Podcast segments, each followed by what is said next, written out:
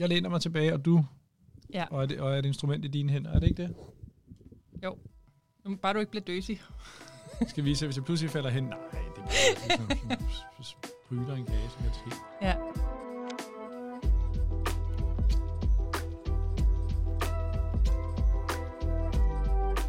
Få både brands og personer er så inkarneret København, som Mads Nørgaard er. Han er født ind i en modefamilie med Nørregård på strøget, og har selv i mere end 35 år handlet med mode og skabt mode og et brand, der for mange er tæt knyttet til både kunst og musik, og mest af alt København. Men hvad er han derudover rundet af? Hvilke beslutninger og begivenheder har formet ham og hans karriere? Det skal vi høre om nu.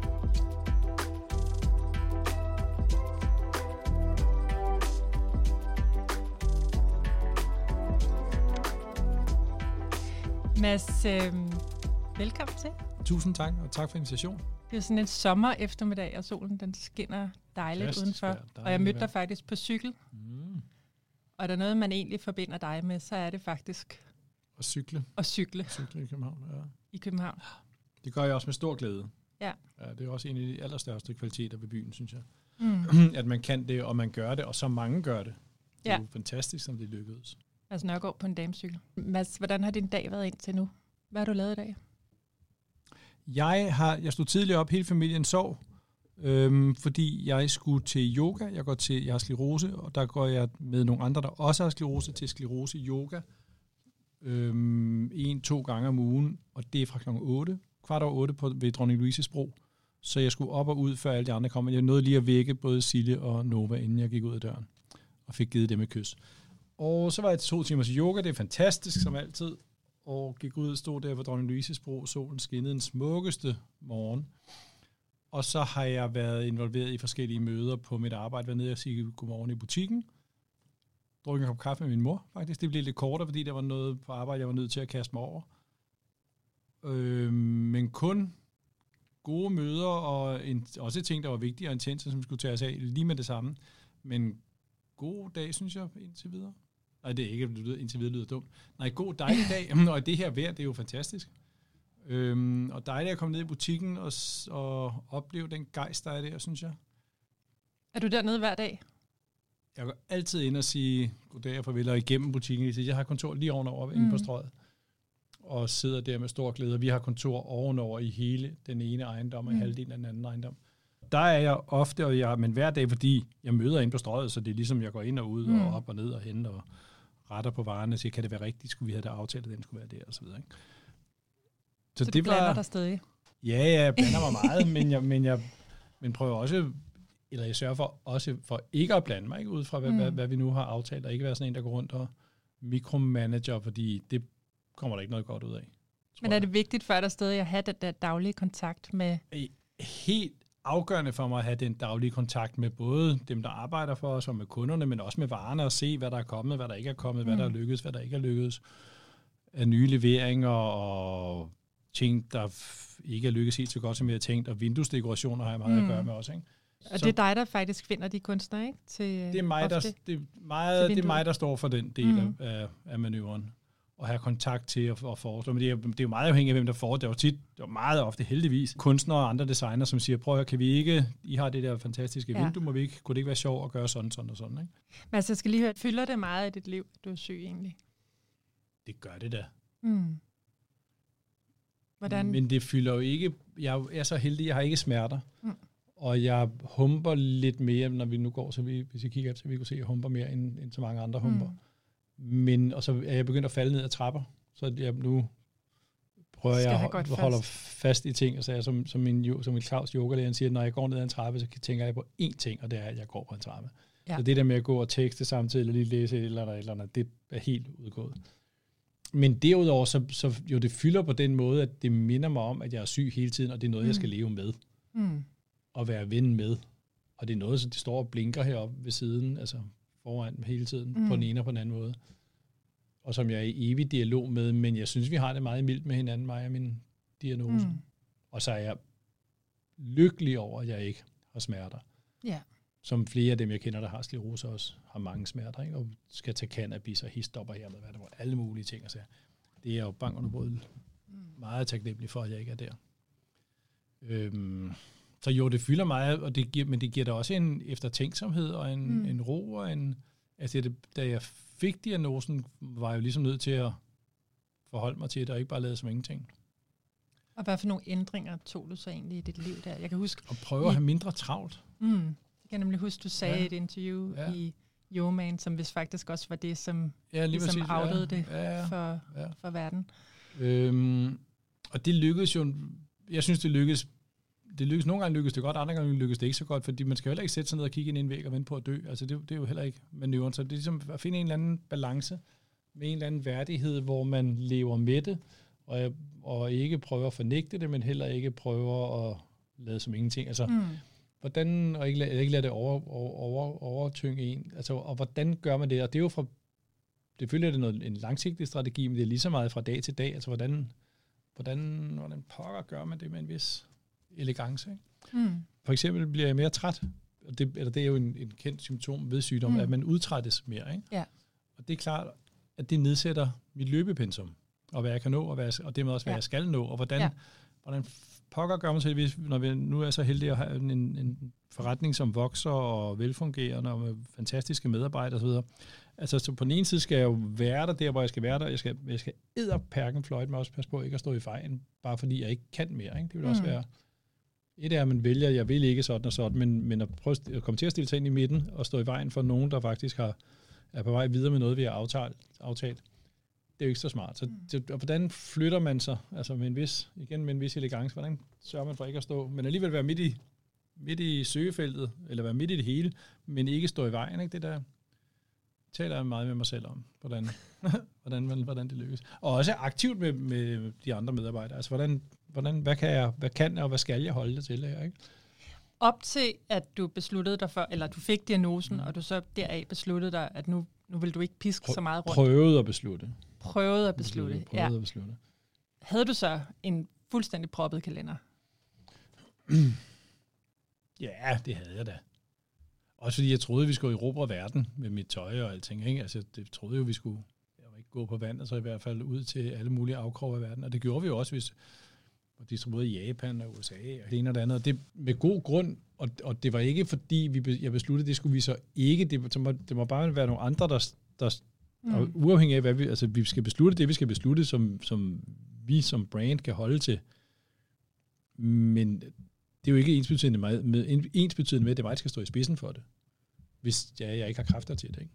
Og hvordan undgår man, at der kommer en konflikt i det? Det er jo, det er jo så du skulle også lære noget ud af delegering. Du ja, ja, i høj grad. Ja, ja, lige præcis. Ja, ej, ja, Jakob Bing, Jakob Østergaard Andersen Bing har købt 10 procent for okay. nogle år siden. Okay. Hvilket er en kæmpe glæde og en kæmpe gave at have med indover. Og han er i meget høj grad af årsagen til, at det er gået så godt for os, som det er de senere år. Og også under corona her, ikke? hvor vi har haft det bedste år nogensinde. Men, og det at have en partner ved sin side, også med sådan noget som det her, og som mm. fra starten, eller have nogen tæt på, som, som kan tage fra og kan tage af, og så den der balance med, hvordan ikke at stå i vejen, men alligevel være med til at bringe skibet videre. Mm. Det lyder som en øvelse, som jeg tror faktisk rigtig mange kan genkende ja, på præcis. forskellige måder. Men Mads, hvis nu vi lige øh, går sådan mm. helt, helt, helt tilbage jeg til da du tøj. var lille. Ja, lige præcis. Hvornår, øh, da du var barn, gik det egentlig op for dig, at du var sådan midt i modecentrum i Danmark? Det gjorde det i folkeskolen, fordi at mine folkeskoleklassekammerater altid sagde, at jeg var så smart, eller jeg kunne, fik alt tøjet billigt, og jeg, det var også så smart, det tøj, som min far handlede med. Ikke, at jeg var smart.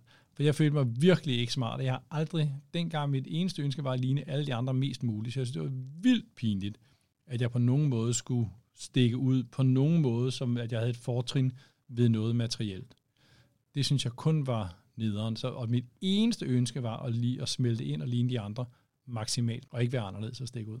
Og hvor gammel var du der, når du tilfælde? 5., det... 5., 6., 7. klasse ja. eller sådan noget, ikke? Det tror jeg er meget normalt at have det sådan. Det tror jeg også. Ja. Men det var øhm, ligesom de andre, der... Øh... Yes, det var altid de andre, der sagde, du er din far, det, det, det, det, det. Altså, det, det, det var ikke... Det kunne jeg nærmest dø over. Det synes jeg var pinligt. Og skulle være noget specielt. Kunne du så øh, gøre oprør mod det? Finde noget tøj et andet sted? Ja, yeah. men jeg vil sige, altså prøvede, den, det, var, det er det 70'erne, ikke? Så det var meget uniformeret. Altså man, man lignede, der var tre retninger, man var disco, rocker eller flipper, og det var sådan, det var, hvis man var den ene eller den anden tredje, så gik man i præcis sådan noget tøj, det var sådan, det var, ellers blev man virkelig mobbet, ikke? hvis man stak ud uden for det. Så, og så prøvede man at, man at flette ind i det, og jeg var klart flipper, så det var med langt hår, og den og den type cowboybukser, og den og den sweatshirt, og de her de brands, så det var meget begrænset, hvor, hvor bred banen var, som man kunne klæde sig på indenfor, vil jeg sige. Hvor gik du egentlig i folkeskole hen? I Lyngby. Når det hedder Bagnegårdsskolen, den findes ikke mere. Øhm, I i Kongens Lyngby nord, nord for byen. Boede I også derude af så? Ja. ja. ja. Og Lyngby er karakteriseret ved, at vi boede i Hjortekær for tunen, men Lyngby er karakteriseret ved, at det er meget blandet, at det er både nogle af stederne er meget grønt og store huse og sådan noget. Noget andet af det op omkring stadion er meget mindre lejligheder, og det, så det er både socialgruppe, det er alle socialgrupperne på samme tid. Mm. Så og på den, det, har, det var da godt og gavnligt. Det er der taknemmelig for mm. i dag, at være, være vokset op i stedet, som var så sammensat. Men hvordan tog din far noget af... Han havde jo overtaget sin fars forretning ja. og gjort den til fra et, et sørgemagasin ja, med, nemlig, ja. med tøj til sørgende til en, en hip butik. Men hvor meget fyldte mode i, i dit barndomshjem? Øh, det fyldte Nej, jeg kan lige, for, lige for at rise historien op. Altså min, mm. min farfar, som jeg aldrig mødte, fordi han var sønderjyde og var i Første Verdenskrig på tysk side, fordi den del af Sønderjylland, han kom fra, blev først dansk efter, efter genforeningen. Han åbnede Sørmagasinet i 1944 og døde året efter, så han, da min, han døde, da min far var 15, så jeg aldrig mødte ham. Nej. Og det var 1945, og det er på den adresse, hvor vi stadigvæk har butik, eller 1944, undskyld, hvor vi stadigvæk har butik inde på strøget. Og der åbner min far, så, så bliver det til metervareforretning frem og tilbage, mm. og det er min mor, farmor, der ejer den. Og i 1960-61 deromkring, der åbner, der køber min far forretningen af sin mor, og åbner sammen med min mor, det der siden han bliver til Nørgaard på Strøget, som en butik, som baserer sig på de store overgange og i solidaritet med hippier og ungdoms, ungdoms, ungdoms, ungdomsoprør, kvindebevægelser osv., og, og prøver på den ene side at handle med tøj til det, men på den anden side også at være i samtale med og i solidaritet med de ting, som, som rører sig på gaden. Og, det, og jeg er født i 61, så det er, er parallelt med, at jeg vokser op. Ikke? Mm. Og så mm. spørger du, hvor meget fylder tøj og mode? Altså jeg vil sige, tøj og mode har fyldt rigtig, rigtig, rigtig meget. Også fordi min far var var metervareuddannet. Mm. Så han kunne, altså den jeg kendte, der var bedst til, hvis, hvis han fik et stykke tøj, et, et, et, stof, et stykke stof i hænderne, og sige, det er da en, det er da en tvil, det er da en interessant vævning. Kunne den, øh, det var han virkelig, virkelig god til. Virkelig, og virkelig sjovt at tale tekstiler ja, fantastisk. Med. Så dels den sådan helt øh, tekniske del af det, men også den, den købmandsmæssige del, og så ikke mindst hele den kulturlige del af det. Mm. Altså hvad det var, man... Altså et er at sælge tøjet, finde tøjet og sælge det, og det her det med Swinging London og gang i mm. den, og, og fest og farver, og jeg ved ikke hvad. Men det er jo lige så meget, og for igen for at betone det, altså i solidaritet med den kultur, som er ved at opstå, og de nye generationer af unge, som er ved at komme på gaden. Ikke? Og det gik jo hårdt for sig ofte med Vietnam-demonstrationer og hist op og herned. Ungdomsoprør, eller hvad det, studentoprør i Paris osv. Ikke? Så, så det, er jo ikke, det er jo ikke en dans på roser kun, det er også nogle konfrontatoriske, konfronterende mm. clashes mellem generationer og, og mellem grupper i samfundet osv. Selvfølgelig er Danmark ikke så hårdt ramt i det, men andre steder også, ikke? og Vietnamkrigen er som det bedste eksempel. Så det, men det er jo hele tiden med et ønske om at forstå og fortolke og oversætte i tøj, for nu at sige det sådan. Ikke? Mm. Hvad pokker der er, der foregår ude, ude i verden. Så på den måde har tøj som både som tøj og som tekstil og som påklædning og som forførelse, men også som symbol på det, der på noget, der sker ude i verden, har det fyldt rigtig meget. Ikke? Og forstod du som barn den kobling? Det kan jeg ikke svare ja til. ja, ja, men jeg tænker, ja, det, det er i hvert fald noget, du har taget ja, ja. med dig Ej, det, videre. Det forstår jeg godt, for det, det var det, det handlede om. Min mor er skolehistoriker og akademiker. Så, så hendes, hendes indgang til det var der i høj grad også det, det akademiske, eller hvad man vil kalde det. Ikke? Så, så mm. der, den overbygning har der været hele tiden i det også. Samtidig med den hele altså grundlæggende præmis med, at tøj skal være til, at det er ikke noget med fornuft at gøre. Det er for at forføre og for at forskønne, og det er noget andet end alt muligt andet, når det fungerer. Når det ikke fungerer, så kan det være mobning i skolegård, og det kan være alt muligt dårlige produktionsforhold, alt sådan noget, men når det fungerer, så er det jo kun, så er det forførende og forførelse og ikke fornuftigt. Og det er ikke svar på noget som helst. Men det kan bare indimellem, når det virkelig, så kan det jo ramme altså tidsånden lige spot on, ikke? i den time, eller to timer, eller dag, eller uge, det var, så bum, og så er det der ikke mere. Og det er jo fantastisk. Og den hengivelse, og den insisteren på den hengivelse og den forførelse, har altid været der, samtidig med en insisteren på, at det skal være for, det skal være for et eller andet. Det er fordi, mm. at der er nogle ting, vi, han, gerne, han gerne ville, vi gerne vil i firmaet, som er at være med til at, og, altså nyt talent kunne det være, ikke? nye designer, nye måder at gøre tingene på, nyt blik på gamle øh, problematikker osv. Det, det, der er en eller anden motor i det, som, som er en nysgerrighed hele tiden, og som ikke er dømmende. Mm. Ikke nogen løftede pegefinger, ikke noget, det er forkert, at det bør I ikke gøre. Det vil hele tiden være, det kan da godt være. Altså, jo, måske, hvem ved? Ja, jo, lad os prøve, det kan da godt være. Og det er helt ned til, altså også, hvordan tøj skal se ud. Et virkelig godt eksempel er, at da Henrik Vipskov lige var startet som designer, så kom han ind i butikken med nogle bukser, jeg tror, noget digibuksen, som han selv havde syet nogle, nogle stoffer Og vi var alle sammen sådan, det skulle bare, det skulle for mærkeligt, det der. Og den, der sagde, vi sad fire omkring bordet, og Jørgen var den, der sagde, prøv at det kan da godt være. Jo. Ja. Yeah. Måske, ja. Yeah. Lad os købe 12, og så se om det, og så solgte vi dem på en uge, og så købte vi 12 til, og så, så købte vi 24, og så købte vi 6, og så købte vi så. Og hen ad tiden havde vi solgt altså, rigtig mange af dem, ikke? men ja. helt pø og pø. Så op. Og igen, den er med, ikke noget med, den er grim, den er pæn, bare sådan, jo, det kan da, ja, yeah. Måske. Og igen, det der med, der er ikke noget svar. Der er ikke nogen, der ved, at den ikke kan sælge. Det ved man først, når man har prøvet det jo. Og, og gå ned ad en sti og sige, jo, det kan sgu godt være, der er noget der, som man skulle være lidt mere åben overfor. Hvor det ikke bliver så planlagt og så hårdt og så firkantet og regler og regneark og så videre. regneark. Ja. Så det var både øh, det var både købmandskabet, men det var jo også den der fornemmelse mm, for, for sammenhængen, ja, som du ja, fik med dig. Ja. Og fornemmelse for tekstiler. Det er ligesom ja. det, altså det der silke. Mm. Jeg tænker på, om den uddannelse overhovedet eksisterer i dag, tekstiluddannet. Det, altså du kan, man kan jo godt sagtens blive uddannet som tekstiler, men det er klart, det var mere han var i, London, eller i England, både i London, men også uden for London, og lære ved, altså, med, med vævestole og lære væve osv. Det kan du jo godt i dag, men det foregår ikke så meget i England, så skal du til længere væk i fjerde, og det er nogle større mm. maskiner. Altså før tiden var der jo systuer her, ikke? Ja. sidder, og væverier og strikkerier og så videre. Ikke? Nu, tal, nu var vi lige helt tilbage i folkeskolen, men hvordan, hvordan udviklede du sådan dit forhold til mode, eller dit ophav, sådan op igennem Ja. Der er jo lang vej til, du så bliver en ung mand og vil læse på universitetet.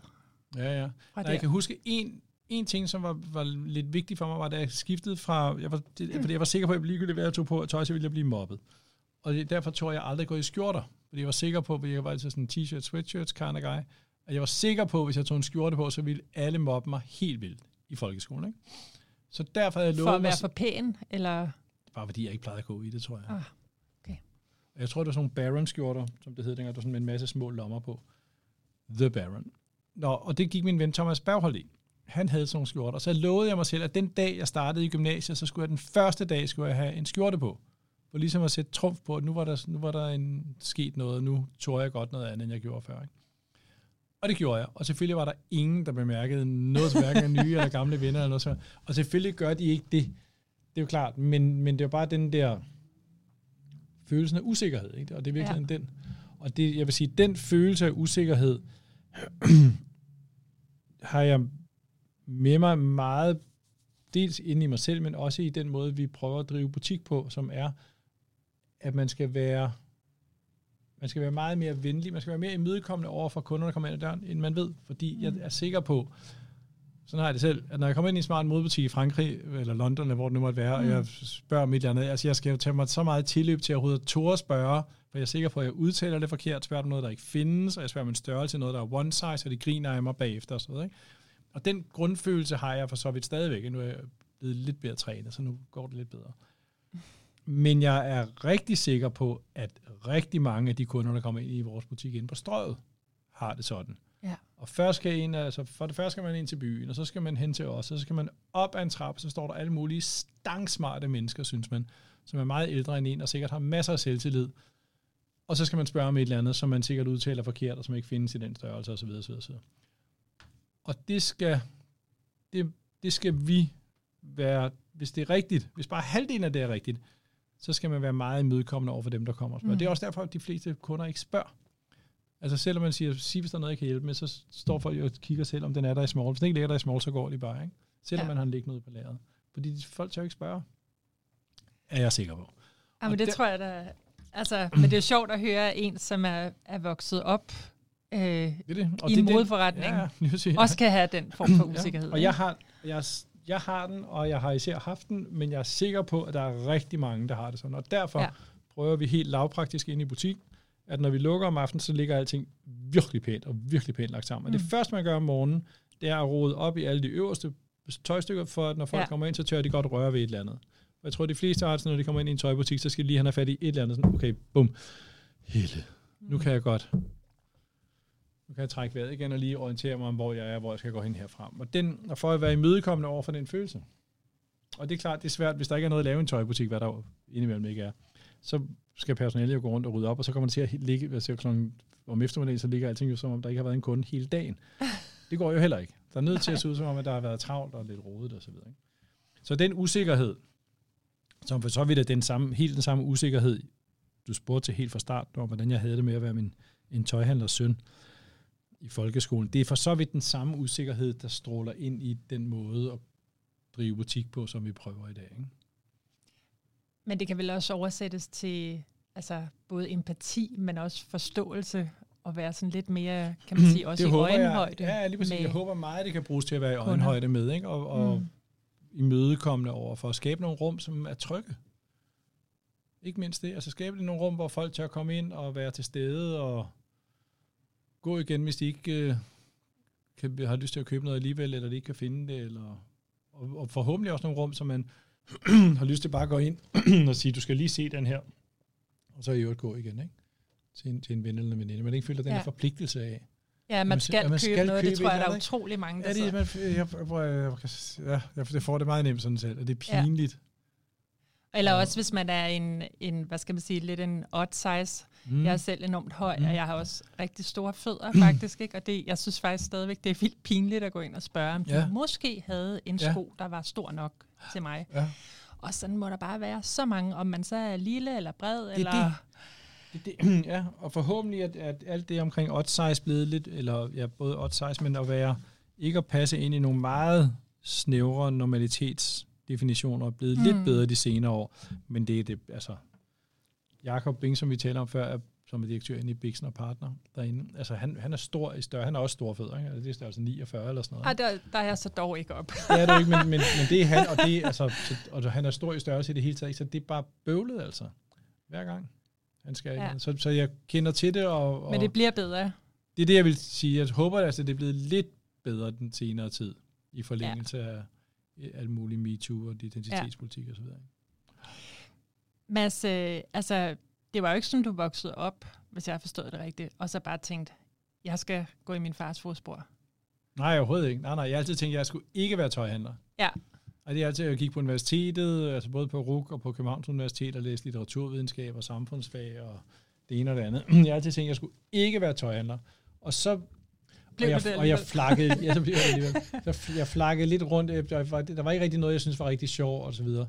Og så en dag, så sagde Jørgen, min far, øhm, der er det her engelske tøjmærke her, som leder efter en agent, og vi handler, vi sælger dem ned i butikken, vi sælger dem virkelig, virkelig godt. De, nogle, der hedder Drakes, de findes stadig, de har skiftet lidt karakter, men de havde opfundet at lave ensfarvede, store, lidt større, end altså almindelige lamskuldtørklæder, ensfarvet i større størrelse, i stærke farver. Mm. Det var the shit. Ja. Og det var helt nyt dengang, og det er klart, det var relativt nemt. Altså, de første to sæsoner, der gik det rigtig godt, og så er der det kan det er så mange, der kan lave det her. Ikke? Så det, så tog det lidt af farten. Men de første to sæsoner, der jeg var agent på, på det her øh, Drakes tøjmærke, for Skandinavien, Danmark, Norge, Sverige. Mm. Så rejste jeg rundt med det, sagde ja tak, det ville jeg gerne prøve. Så var jeg på messe i Paris med dem, uden for noget, der hed SEM, som var sådan en stor herremesse. Og var der, det var meget, meget, meget, meget lærerigt at se, hvordan handelen foregik. Og så rejste jeg rundt i Europa, det er jo før internettets tid det her, ikke? Så jeg havde to tasker, eller i Nordeuropa, i Skandinavien.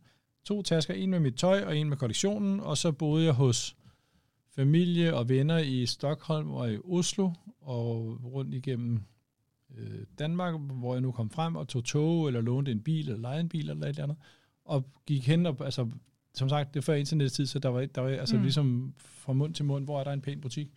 Og der var nogen, der bankede på og sagde, jeg har de her tørklæder, er det noget, du vil se? Og langt de fleste var hverken søde eller imødekommende, eller venligstemte over for en ung knøs, der stod der med og bankede på, uden at lave en aftale. Ikke?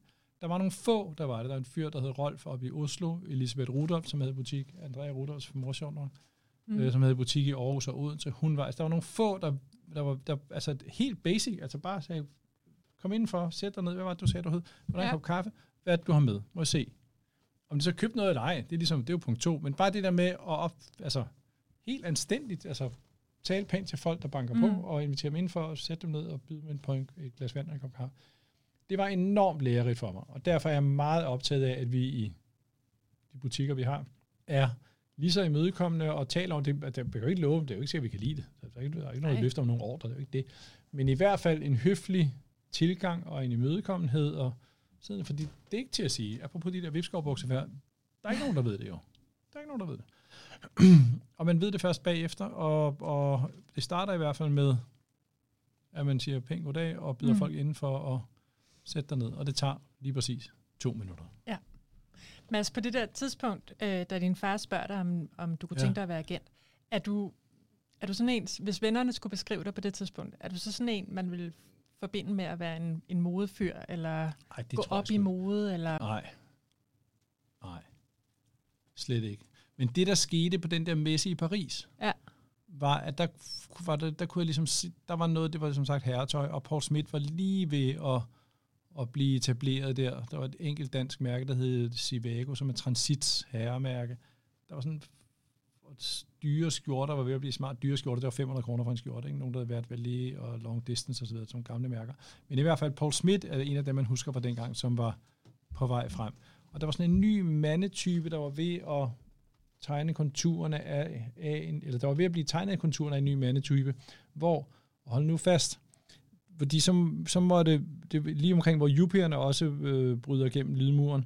Så vi er midt 80'erne. Midt 80'erne, ja. og det nye er, at mænd skal ikke kun være søde og bløde, de må også gerne øh, tage sig, gøre noget ved deres krop og dyrke sport og træne og være måske lidt hårdere seje også. Man må gerne begge dele. Ja. Wow. Wow. wow. Fordi indtil da, der havde efter i slutningen af 70'erne og starten af 80'erne, der var den bløde mand, der regerede. Ikke? Og det, det, det her, det er en ny mandetype, der, der, der er ved at tage form der. Så stikker det af og bliver mere bliver for materiel med, materialistisk med jupierne, så og løber lidt af sporet, kan man sige. Men, men grundtanken er jo god nok, at man ikke kun skal være det ene, men også det andet. Mm. Nå, men det var, og det er meget der, Paul Smith, som sagt, er en bannerfører for det. Øhm, og det kan jeg sådan se konturerne af der. Der sker noget. Det er også enormt meget tilbehør. Dengang solgte og så, og så kort efter det, så spørger min far, den siger, jeg har et lokal her, i en af de ejendomme, han havde. Kunne du ikke tænke dig at lege det? Og for eksempel begynde at handle med herretøj. Så tænkte jeg, det lyder meget sjovt, det må du gøre det. Lige, jeg synes, det lød sjovt, du sagde, nu ser du, du så mm. konturerne af ja. den der nye mand. Var du meget sådan, hvad skal man sige, alert på tendenser, eller den der bevægelse, der var fra den bløde mand til den... Åbenbart. Også et ledende spørgsmål. ja. Et ikke-spørgsmål. Ja, nej, det, jo på den måde, at det var jo også i forlængelse af det, du spørger, hvad jeg var, om, det, om jeg var vokset op kun med tøj. Jo, med meget tøj, men også hvad det er, tøj handler om, og hvad det, ja. er, hvad det er, det står for. Det er jo også det her, altså et af, hvordan tøj, herretøjet ser ud, men det er også, hvad er det for noget, det, hvad er det for noget, hvad er det for et menneske, mm. der skal der skal have det her tøj ja. på, og hvad er det i forhold til dem, der i dag i forhold til ja. i går det er jo det, der optager mig meget nu også. Hvad er det for nogle mennesker, der skal gå i det her? Hvad er det for et mm. menneskesyn, som der, det her udstråler? Det tøj, vi laver. Hvad er det? Og igen, den solidaritet med menneskerne, med kunderne. Altså, hvad er det? Og hvad er det, vi gerne vil med det? Mm. Men, og så... i det her, der var enormt meget tilbehør. Ja. Så vi solgte øh, Sibolite og, pengeklips og alle mulige handsker og fyldepinde og kuglepinde. Og, Sådan noget jubi... Øh det var totalt jubi-gear, ikke? Som, man, som man skulle. Plus, vi stod og røg inde i butikken. Hvor okay. vildt er det? Det er altså, inde, i, rimelig inde i butikken på, inde på Amager, lige ved det er en del af Café Europa nu, der stod, altså vi havde Askebær stående derinde, og man stod og røg. Er det ikke vildt? Men det var så det lokale, du fik af, Eller lejet. af eller lejet ja, af din far. Ja, præcis. Café Ja, Europa. og det er ikke hele butikken, nej, nej, bare et lille, et lille ja. ja. ved siden af. ja. Nej, en lille bæks, en lille ydmyg bæks. Så stod jeg derinde selv, det var 1986, og, og, og prøvede at, at, få det til at svinge rundt. Og det gik, Var der ikke også noget med, at du solgte brugt tøj også? jo, det gjorde vi ned, så lavede vi en butik med oh. Jørgen og mig sammen nedenunder. Altså jeg havde min egen herrebutik, og så lavede vi sammen den der, og Nørgaard under jorden hed den. Ja. Det var sjovt, Nørgaard på strøget, Nørgaard Ja. jorden. Fordi den lå i en kælder. Men det der Café Europa har toiletter nu. Ja. Så derfor skulle den lukke. Det var skideskæg også. Men, øh, men at åbne min egen butik, det var fantastisk, og så var det benhårdt og svært og alt muligt på en gang. Jo. Også når man, altså jeg var 6, 25. Jeg var, også, jeg var meget glad for, at jeg var, lige var fyldt 25. det synes jeg ikke var så ung. Ja. Ej, du har også været... Ej, men det er, kan vi godt sige, meget ung. Det, er- ja, men det var det er fedt, at jeg ikke er 24, men jeg er lige blevet 25. 25. Skal vi gøre. Mads, øh, hvad betød det, at du var din fars søn, da du åbnede den butik? Altså det betyder jo, at jeg har altid kunne få et velmenende råd. Mm. Jeg har altid haft en at, at læne mig op af, når, når tingene blev bøvlet. Ikke? Det betyder også, at der har været en lærermester meget tæt på mig, som jeg har lænet mig meget op af. Og hvis ikke han havde været der, så havde jeg gjort mig nogle andre erfaringer. Mm. Men det betyder også, at, og det er også sådan, når jeg den måde, jeg fortæller det på nu, der er jo ikke sådan en, der er jo ikke en, en vildet beslutning om, at nu vil jeg åbne en butik, så vil jeg gøre sådan og sådan. Det er sådan lidt noget, jeg er faldet ind Mm. i, ikke? Og sådan, når jeg tænker tilbage, det er også sådan, det har været. Det er sådan lidt, "Jamen, så gør vi det, så gør vi det. Så gør, der, er, der er ikke sådan en suveræn beslutning om, jeg vil lave en tøjbutik, jeg vil lave et tøjmærke. Sådan en har der ikke rigtig været. Det er lidt været sådan, der er den her sti her, og hvis du hopper på her, så gør det, det, det, det, det, det, det. Øhm, så jeg er ikke sådan, jeg kan ikke huske sådan et, hvor jeg tænkte, jeg skal, ligesom hvis man tænker, jeg skal studere journalistik, eller jeg skal sådan og sådan, eller hvad jeg skal, jeg skal stangspringer, det er det. Altså det, sådan, det er lidt bare sket på den måde, ikke? Ja. Men når På- man ser på- det på- udefra, på- så på- virker det jo ikke så underligt, det skete. Nej, og det, sådan har jeg det heller ikke selv. Jeg synes, Nej. for mig det er ikke så underligt, det skete. Det, det forstår jeg for så vidt godt. Og jeg synes også, det er dejligt, at det skete. Men jeg kan godt indimellem sidde og kigge på mit liv, eller sidde og kigge på mit liv. Jeg kan godt indimellem tænke tilbage, og så tænke, det var da, altså, det er bare det fraværet af den der beslutning om, at nu gør jeg det. Ja. Jeg ved ikke, om det havde været bedre, hvis der havde været en beslutning. Det er bare, det er bare en, et fakt, at den, sådan, sådan, sådan er det bare. Det har ikke rigtig været der. Men så pludselig så stod du faktisk med begge ben i det, som du hele tiden havde tænkt, du bare ikke skulle. Ja, men det gjorde mig ikke noget. Det gjorde der ikke noget. Nej, det har ikke. Det synes jeg ikke. Det var bare... Det føles, altså fra starten føles det godt og rigtigt. Og jeg vil sige, den tværtimod, så tror jeg mere, at jeg havde, altså min, min meget firkantede beslutning om at ikke ville være, ikke ville handle med tøj, det var bare sådan en benægt, fornægtelse. Der var ikke noget, der var ikke noget løsfyldt i den. Den kom fra 5. klasse på Bavngårdsskolen, hvor jeg, blev, hvor jeg følte, jeg blev, det blev jo sikkert ikke engang, det var meget, meget følsomt, hvor jeg følte, jeg blev mobbet for at være min fars søn, og det, det er der ingen, altså bare sige, yes, det er jeg, altså. Og derfor, altså, det, det, det, jeg tror, jeg gjorde det lidt mere indviklet, end det var. Ja. Og derfor, derfor jeg tror også, jeg, det er også derfor, jeg endte i en fornægtelse, frem for bare at sige, det må jo, det må jo vise sig. Mm. Man kan også sige, det kan, jo, det skal jeg finde ud af, men skal sådan, derfor tager jeg nu et halvt år til Paris og arbejder hos der og der, eller på et lager i Birmingham, Ja. ja. eller et eller andet, det kunne man jo også gøre. Og være lidt mere afsøgende omkring det, frem for at være sådan helt firkantet, og sige, nej, det skal jeg aldrig, og det er det, det, det, det, det, det. Hvad var Men det er måske nogle- også et 70'er måde at have det med tingene på, ikke? Sådan en kold Også kris. der, du har haft din... Det, er det, det er sådan lidt en kold krigsmåde, ikke? Det er sådan lidt, Ungdom. frem for at være lidt mere mild og lidt mere afsøgende omkring det. Men sådan var det. Altså, jeg, jeg har ikke nogen... Sådan var det, og jeg har, jeg har det lige så fint med, at jeg mente, at jeg ikke skulle være det, som at jeg er blevet det og så videre, så der er ikke noget. Mads, hvad var det for nogle typer, der begyndte at komme ned i din butik? Altså, mit ønske, da jeg lavede min første tøjbutik, og derfor så er vi stadigvæk, det var at lave et sted for tøj, som er mellem, dengang var der noget ved Brødrene Andersen, som er lidt som Troelstrup er nu, som er virkelig, virkelig, virkelig dejlig, fornem, klassisk herretøjsbutik. Meget mere klassisk end Troelstrup, men sådan en smuk butik, veldrevet ordentligt. Mellem det, og så sådan nogle jeansbutikker, som deres var og så videre. Ikke? Mm. midt imellem dem og lave et eller andet der, hvor man både kan, hvor man kan gå i habit indimellem, men ikke habit habit, men måske en blæser til et par jeans eller et eller andet, og noget, som er meget mere afslappet og jeanset også. Ikke? Altså mm. den, og de mænd, der gerne ville det, de kom der. Og der var ikke, der var, to, vi var to, tre andre butikker i byen, som, som gjorde det på det tidspunkt, eller sø, afsøgte den, den form for mode. Og de var mere eller mindre jævnaldrende med mig, ikke? Og, og i hvert fald modeinteresserede. Mm. Også nogle ældre, men, men klart modeinteresserede og vidende og nysgerrige, vil jeg sige. Ikke? Så det var, vildt sjovt. Virkelig dejlige tider, gode kunder og skideskæg på alle lederkanter. Kunne du allerede der se potentialet til sådan, uh, altså var du også allerede der sådan kulturinteresseret, eller interesseret i at få kulturlivet ind som en del af dit brand? Ja, det, det synes jeg har været der lidt, lidt fra starten. Ja. Og en ting, vi gjorde, var inde i prøveværelset, sådan en stor væg med en masse billeder af mænd, alle mulige forskellige mænd. Alle aldre, alle mulige kulturbærere, pæne og gymnaster, altså alle mulige hudfarver, altså alt etnicitet, alt, alt muligt, for ligesom at vise, at vi ønskede en bredde ja. og en forskellighed i, i, i kundemassen. Eller kundemassen blandt kunderne. Så, så det, og så har det fra starten, også fordi når man har et vindue ud til strøget, så synes jeg, man skal bruge til et eller andet, på en eller anden måde at få at stille spørgsmål eller kommentere, eller et eller andet. Ikke? Mm. Og så rykkede du i 86 ned ved siden af din far? Ja, eller Nørgaard ja, i 86 åbnede jeg det, og sådan i 91, tror 91. jeg, jeg flyttede den derned. Ja. Og begyndte at arbejde mere systematisk sammen med ham. Men inden da, så var jeg begyndt at lave tøj selv til, altså en gro, ja. og sælge tøj en gro. Og det er fordi, da jeg åbnede min butik, så var der logo på, alles, på alt tøj, der var logo og sweatshirts osv. Og, øh, og ikke bare logo, der stod også ting, som var lidt, mm, ikke var så, altså det uheldigt sådan lidt, made to fit you baby, og sådan, noget, sådan lidt dumme ting. det var jo også 80'erne, ikke? Det var 80'erne. Og så jeg ville så gerne have noget tøj uden logoer. Ja. Og så kunne, det kunne jeg jo ikke skaffe rigtigt, fordi der var logoer på alt, så, så begyndte jeg at producere det selv, og så havde jeg det på hylderne i min butik, og så kom der andre butikker ind og sagde, altså repræsentanter fra mm. andre butikker rundt omkring i Danmark, Norge og Sverige typisk, og sagde, fedt mand, det, det savner vi også, må jeg ikke købe nogen af dem. Og så begyndte jeg at sælge en til dem. Ja. Så det startede sådan helt pø en pø med ting, som jeg ikke kunne skaffe til mig selv, som jeg gerne ville have, som jeg ville lave til mig selv, i min egen butik, og så kom der nogle andre, der gerne ville købe det.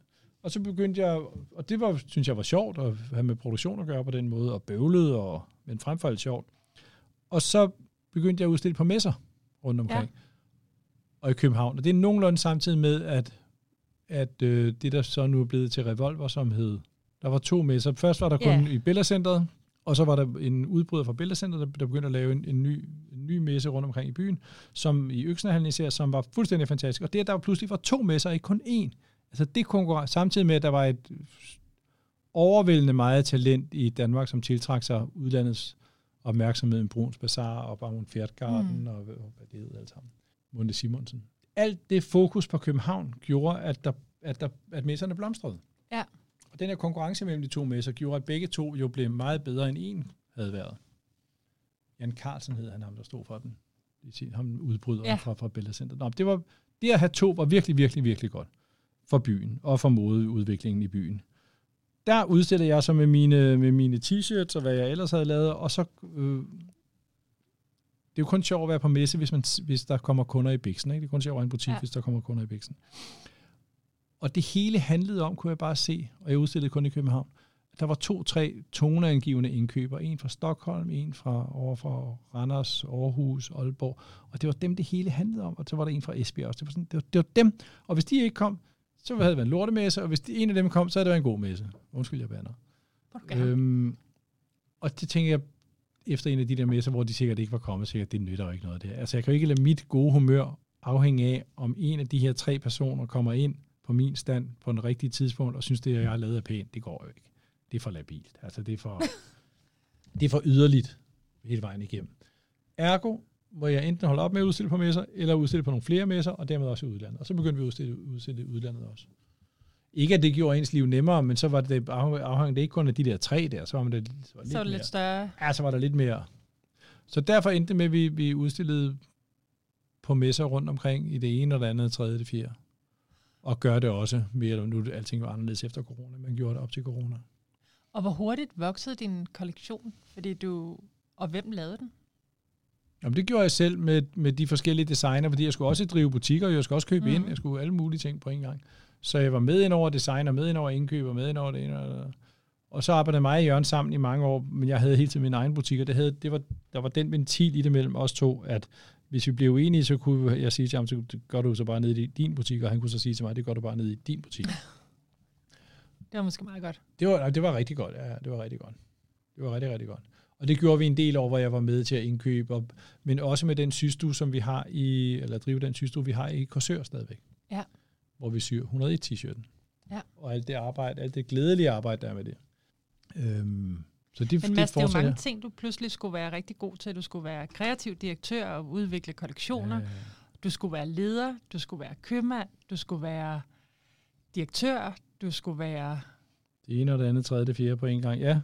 Øhm, og nu, det gik, nogle gange gik det godt, andre gange gik det ikke så godt. Men der, hvor det for alvor begyndte at gå godt, var, altså i hvert fald i en er efter at ham, der hed Jakob, nu vi taler om Jakob Mange, Jakob mm. Bing, som vi kalder ham, som er, blevet, som er partner inde hos os, efter han er kommet ind og blevet direktør i Bixen og partner i Bixen, og ligesom systematiseret og sørget for, at tingene har en retning osv., der er det blevet noget andet, også økonomisk, og, og salgsmæssigt, og kollektionsstørrelse og sådan noget, fordi mm. nu ligesom, altså, nu er vi, nu er det ikke bare det, vi... Altså nu regner folk med, at vi kommer med noget. Ikke? Det, jo, jo. Det, det, det har en lidt ja, det har det vel gjort en del år. Jo, jo, men det er sådan lidt anden forpligtelse, man har på ja. den måde her. Ikke? Og en større bix med 100 medarbejdere og sådan er noget andet end da, da jeg startede.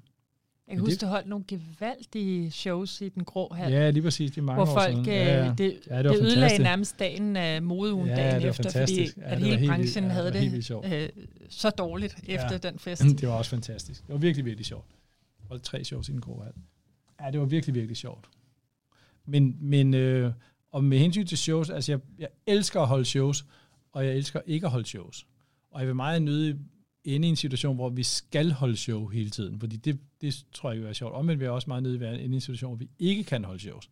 Mm. Så derfor, når vi har holdt, vi har holdt to gange tre shows på Christiania og så inde på Charlottenborg. Altså at lave ting mm. i trilogier, synes jeg også er godt, så man ligesom kan dels lære noget, man kan også kommentere sig selv, og man kan gentage, og man kan lade være mm. at gentage, man kan ligesom bruge formatet til noget andet. Så det, det der med at gøre ting tre gange, alle gode gange tre, synes jeg har været sjovt og godt. Og det vil vi godt ved at tale om, skal vi, skal vi det, hvor skal det være, hvordan skal man gøre det, ene og tredje, det fjerde. Men alt er jo lidt kuldsejlet her, post, yeah. corona. Men øh, ej, vildt sjovt at holde shows. Og især når man ikke har holdt dem i lang tid, så er det jo virkelig, virkelig, virkelig sjovt. Prøv lige, kan du huske en særlig episode, eller et af de shows inden fra øh, Den Grå Hal? Energien, der var der? Jamen, det var jo lidt off, også fordi det var på Christiania, og, og det, Christiania er jo, hvad Christiania er. Men, men lige inden, altså, havde der været en, noget skyderi derude, som også, det, hele, det var en lille smule dodgy, ikke? Og så, men det var så, de første, det første og det sidste show, der var det sommer, så der er Christiania jo fuldstændig fantastisk. I det slutningen midterste, af, det er sådan noget 8, 9, 10, vil jeg sige. Er det ikke længere tid siden? Jeg kan faktisk ikke huske det. Er det kun 10-30 år siden? Ja, jeg føler det. Nå, Nå. det burde det jeg have tjekket Det var skide, skide skægt. Øh, øhm, og på det midterste show, der var det vinter, og det regnede ned igennem taget, fordi der taget var utæt. Så midt under showet, så begyndte det at regne ned. midt på catwalken og så videre. Nej, det var fantastisk, og det var med topmodeller. Sten Jørgensen var model. Mm. Desværre ikke alle tre gange, kun det første og det sidste. Men i det midterste show, der var det Ville Jønsson fra Gasolin, der var model. stedet for Sten. Også i orden. Og det, som var fantastisk, var, at vi spillede øh, Kvindemin som det afsluttende nummer alle tre gange. Ja. Det var Pretty Wire. Ja, det var fedt, og dengang var gasolin var mere aktuel dengang, end, det, end jeg tror, det er i dag. Men det var bare, det var, det, der var en folkelighed over det, og, en, mm. et, og, og også noget, som alle kender. Ikke? Det var virkelig. Og så var det vildt at have det som sit første show, at, fordi det var så stort, jo. Det var jo så, det var jo så, det var vildt. Ja, det var fantastisk. Det var virkelig, virkelig sjovt. Men det passer måske hele den ramme var jo også meget, det passer måske meget godt til dig, det der med, at det ikke skal være så prætentiøst, og ja, det skal det, være det, på den måde, det var et meget ikke hyggeligt tilfælde. Ja, lige præcis. Det var virkelig, virkelig fedt på den måde. Også at det var et koncertsted, musik fylder så meget i mit liv, og, og, og især og, og har gjort det, og gjort det også dengang. Altså, at det er det der fuldstændig enestående, fantastiske koncertsted, så dem, og dem, der har været til koncert, der vil vide, at når, det, når noget er godt i en grå hal, så, er det, så fås det ikke bedre. Mm og det der, det ramte lige, og så var det fedt at komme, altså ude på det der lidt scruffy Christian, så kom med noget som, at det var Kim og Uffe, der producerede det. Noget, der virkelig sad i skuret og var helt perfekt produktion hele vejen igennem. Ikke? Det var en kæmpe, kæmpe glæde at komme med noget, som var så spidsformuleret ud i noget, som var sådan lidt frønnet i kanterne. Ikke? Ja, Ja, det var fedt. Det var skide det var, øh, jeg kan så, bortset fra, at jeg ikke lige kan huske det præcise årstal, så kan jeg ret tydeligt huske showene. Mm. Øhm, jeg tænker lidt på, nu snakker vi lige før om alle de hatte, du har på, ikke? og som du pludselig skulle forholde dig til, også efter du fik butik Ja. og begyndte at udvikle kollektioner. Er der en af de roller, som du befinder dig bedst i? Det er et meget godt spørgsmål. Er der en af de roller, jeg befinder mig bedst i? Altså, jeg har ikke noget imod at stille mig forrest, og stille mig op på en ølkasse og, og fortæ- tegne og fortælle om, hvad, hvad vi skal og så videre. Det har jeg det vældig godt med, men hvad jeg har det bedst med, jeg har det virkelig godt, når, hvis vi, altså jeg, jeg kan, føler ikke, jeg kan lave noget alene. Altså alt, hvad jeg kan lave, laver jeg bedst med nogle andre og, og, og, og ikke selv i samarbejde med og, og, og, og, at være sammen, altså at lave ting sammen, synes jeg er vildt skægt. Mm. Mm. Alle har en rolle, og alle yder, og vi alle sammen løfter 1, 2, 3. Nu. Det synes jeg er skide skægt. Ja, Virkelig, virkelig sjovt. Øhm, men det er sådan, fordi jeg også lidt på vej hen, så tænkte jeg sådan, nu, øh, altså vi er jo også stødt på hinanden i Mhm. branchen mange år, Ja, og, og du er altid, øh, som du også sagde, imødekommende, og du er også sådan, den der hyggelige masse, som man møder, og altid har en god sludder med, og sådan.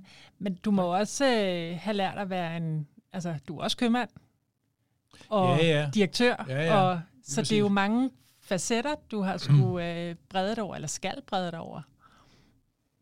Men det er måske det- det, ikke svært. Nej, det synes jeg ikke er svært. Nej. Nej, det synes jeg ikke er svært.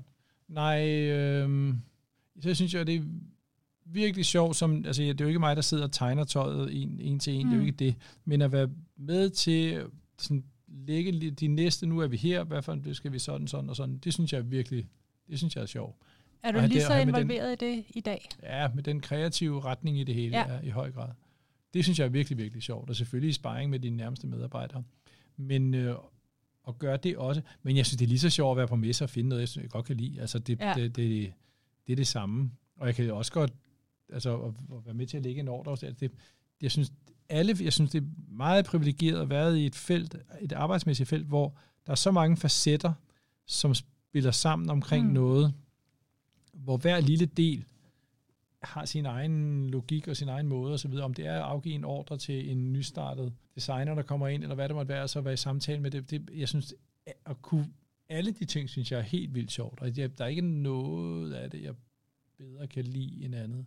Altså, jeg er ikke særlig god til Excel-ark. Nej, Men, det er der øh, vel nogle andre, der er så. det, det, det, det, men, men alt det andet, synes jeg er helt vildt sjovt. Og gerne det, som er udadvendt også, og finde ud af, hvordan vi, hvordan vi gør det. Mads, den der fornemmelse af, hvad det er, folk gerne vil have og har brug for, som du også fortalte om, du sådan er vokset op med en Mm. forståelse for, og som du selv også har været god til at finde. Hvordan bliver du, bliver du bare ved med at have den fornemmelse, eller hvad gør du? For mig er det sådan lidt magisk at have sådan Ja. en, en fornemmelse. Det ved man jo ikke, om det pludselig holder op. Nej, Eller rettere, jeg måde. det ved man jo fra mange, det, der er mange steder, hvor det holder op. Og så skal man jo skynde sig ikke at... at men gør at du noget særligt for at... Nej, prøv, det, nej, prøv at være... Nej, altså jeg, jeg, jeg tror i høj grad, det handler om en nysgerrighed. Ja. Og det handler om ikke at være for firkantet, og ikke at være for fastlåst i sine forventninger til, hvad man har gjort før. Mm. Og dermed handler det meget om aflæring. Det handler meget om ikke at, at gøre ligesom sidst, eller Mm. ja, det var enormt fedt dengang, at et eller andet, fordi det går ikke. Nej. Altså det, det er noget nyt hver gang, og det skal være noget nyt hver gang, og det, og det virker kun, hvis det virker, og den, og, og den, den følelse af at være af noget rigtigt, den, den skal kunne komme ud af hvad som helst. Mm. Og indimellem, hvis jeg synes, jeg begynder at være, kunne genkende mig selv fra tidligere måder at gøre det på, så tænker jeg, nu skal jeg lige være opmærksomhed omvendt. Så er det jo virkelig, virkelig vigtigt, at en big, som har været der så lang tid, og har de værdier, vi har osv., at bare fordi vi skal være, at vi skal på, at vi ikke bare bliver unge med de unge, så at der skal Mhm. også være en eller anden rød tråd igennem det, Mm. som også skal være genkendelig, og altså, hvordan pokker man gør det? Mm. Men måske bliver man, fordi nu jeg er jo heller øh, ikke helt ung mere selv, men der er jo mange ting, der bliver serveret for en, når man mm. er Mm. ung, og man er midt i Ja, alting, præcis, ja. og man er midt i et kulturliv Ja, og et, er det et det? musikliv Ja, og sådan. ja. Men det er, man, det, det, man skal i hvert fald være mere opsøgende, når Ja. man ikke er helt ung mere på Det det, det. men omvendt bliver man måske også bedre til at kunne se det lidt ovenfra.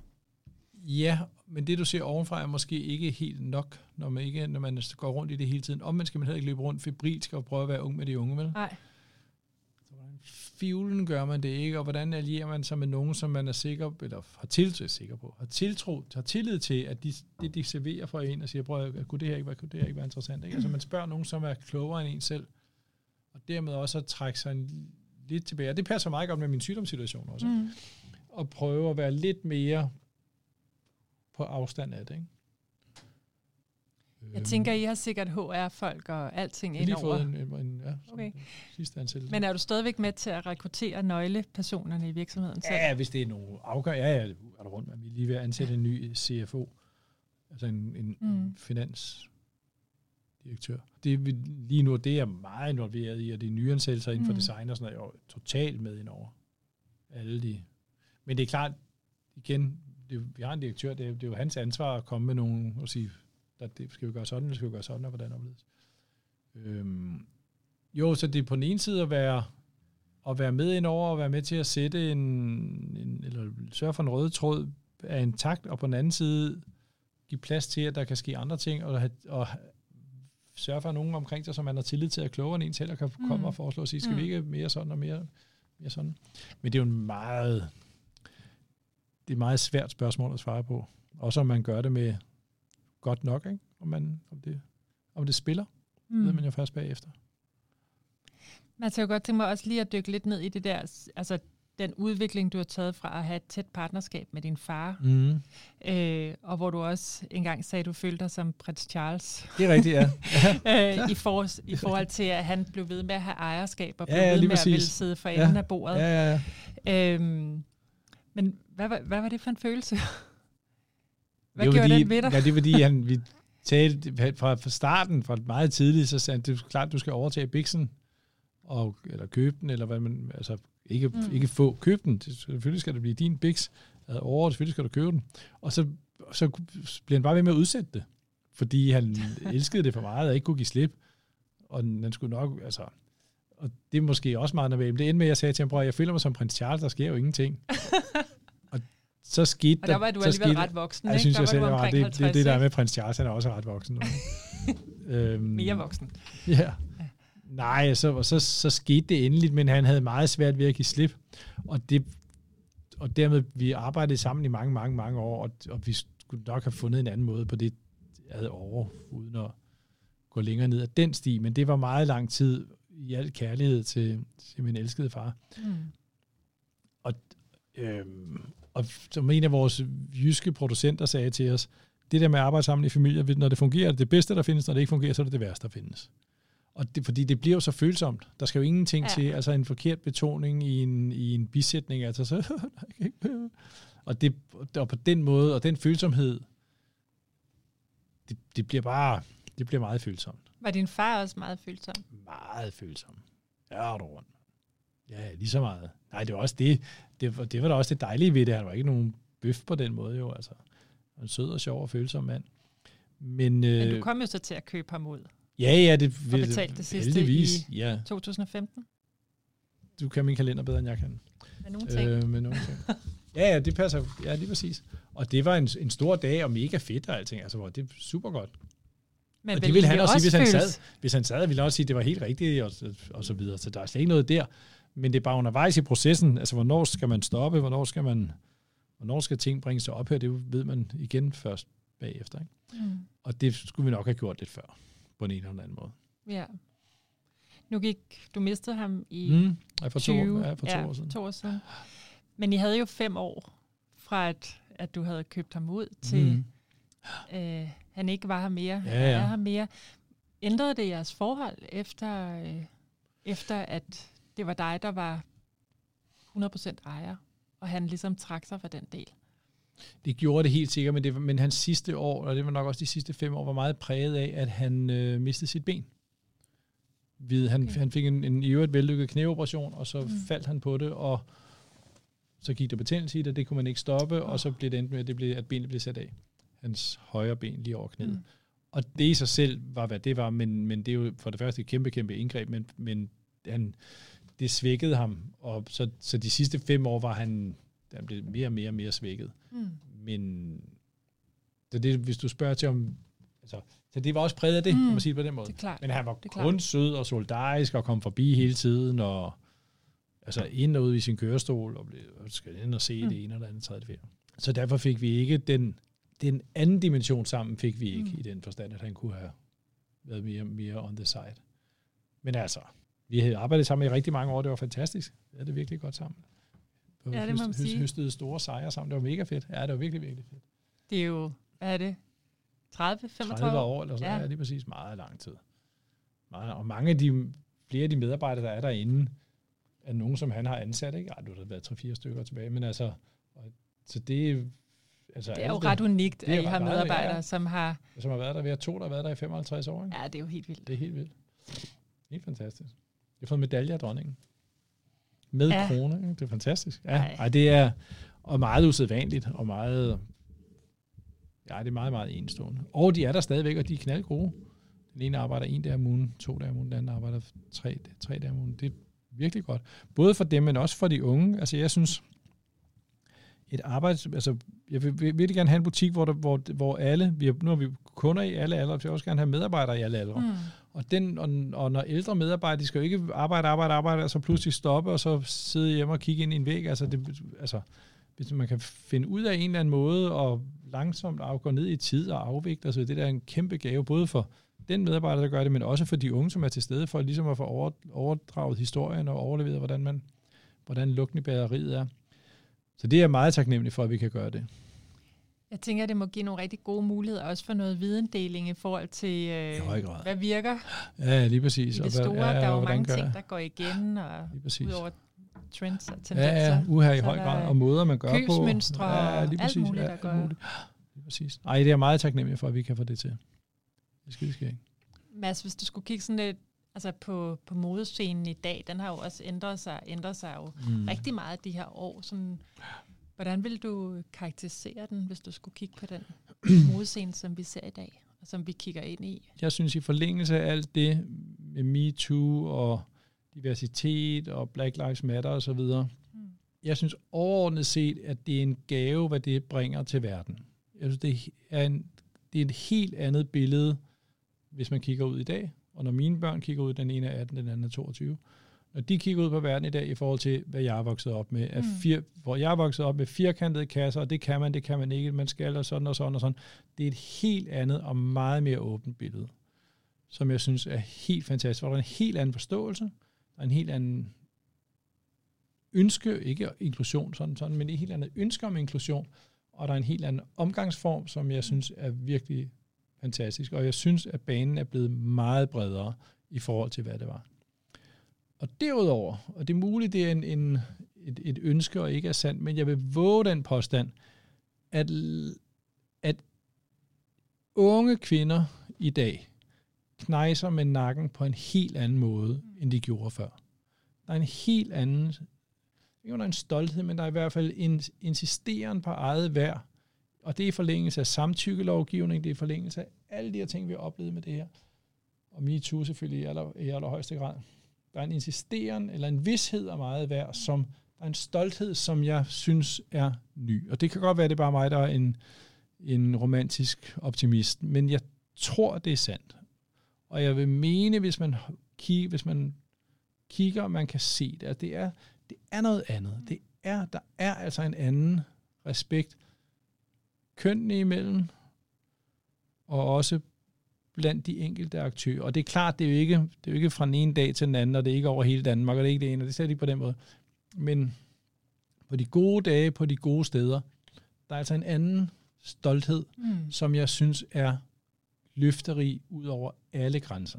Mm. Og alle de der regler, der var med fra ældre hvide mænd, for nu at sige det sådan, privilegiemænd, om at man skal sådan, og det kan ikke være, altså, Mm. Øh, det er jo, den hører nærmest ikke om det mere, det er jo så vidunderligt, altså. Det er jo en helt anden åbenhed omkring, hvordan man kan, kan være, hvordan man gerne vil være. Så talte vi bare om størrelser før, ikke? Det er jo noget, altså, Mm. det er jo noget helt andet, end det var før. Og, og det, det var skal... jo meget deres blik, der var definerende egentlig for, det, hvordan det. unge ja, ja. kvinder egentlig også kunne tage ja, sig ud. Ja, ja, ja.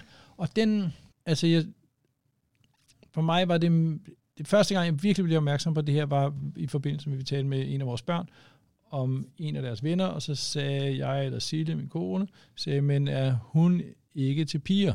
Mm. Og så kigger en af vores børn på os og siger, de, det ved jeg ikke. Det har jeg aldrig tænkt over. Men, hvorfor spørger du? Ja. Altså, hvor, hvor, hvorfor er du optaget af det? Hvorfor er det ikke ligegyldigt? Altså, hvorfor, hvorfor, mm. hvorfor tænker du over det? Hvorfor er det ikke? Du vil jo ikke spørge, hvis hun ikke var det, vel? Nej. Det vil, og det, hvis det er rigtigt, så betyder det, at jeg og Sille, som hun er kønssociolog, min kone, som jo virkelig er optaget af de her ting, eller, ja. altså, ja. og virkelig har talt meget om det, så betyder det, at selv vi, som prøver at være ja. så åbne, er bære af et blik, som, hvor vi gerne vil have defineret, om den ene eller anden af vores venner, børns venner, seksualitet. Ja. Det er fucking ligegyldigt. Fuldstændig. Det er da fuldstændig ligegyldigt. Men man vil hvis, gerne have dem ned i de kasser stadigvæk, selvom man prøver sige, at bryde dem ned. Lige præcis, og det ja. vil sige, at jeg, eller sige det også det nu var, der havde den samtale, også går rundt med sådan nogle kasser, som ja. vi gerne vil proppe folk ned i. Ja. Det er da for vildt. Ja, det er. Det er da for vildt. At det, at jeg siger ikke, det er vildt, at I har det sådan, nej, nej, men jeg men siger det, det, det, det, det er vildt, at vi tror, har det sådan. Det, sådan har det er det. Og jeg troede da, at jeg var relativt åben, og det ved en eller andet, tredje, det fire, enormt kritisk, og hvad ved jeg. Men nej. Men det er jo det, vi bliver mødt med hele tiden. Jeg forstår hvor... godt, at jeg er det. Det forstår jeg godt. Jeg forstår mm-hmm. godt, at vi mhm. alle sammen er det, for det er jo det, vi, jeg, også der er ældre, især er rundet af, så det forstår jeg godt. Jeg troede bare, at jeg havde, jeg troede, jeg var kommet mere, længere i min aflæring, for nu at sige det sådan. Ja.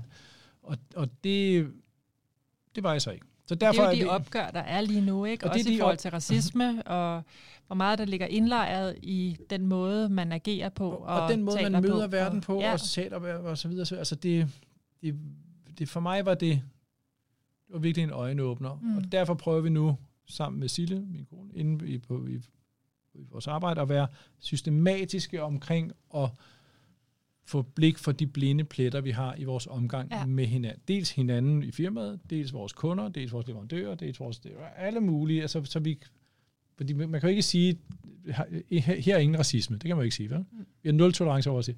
Men man vil ligesom sige, det, jeg, det er indlejret i os alle sammen, fordi det er indlejret i vores kultur. Hvordan, hvordan kommer vi så videre herfra? Hvordan taler vi med hinanden om det her? Hvordan gør vi hinanden opmærksom på det?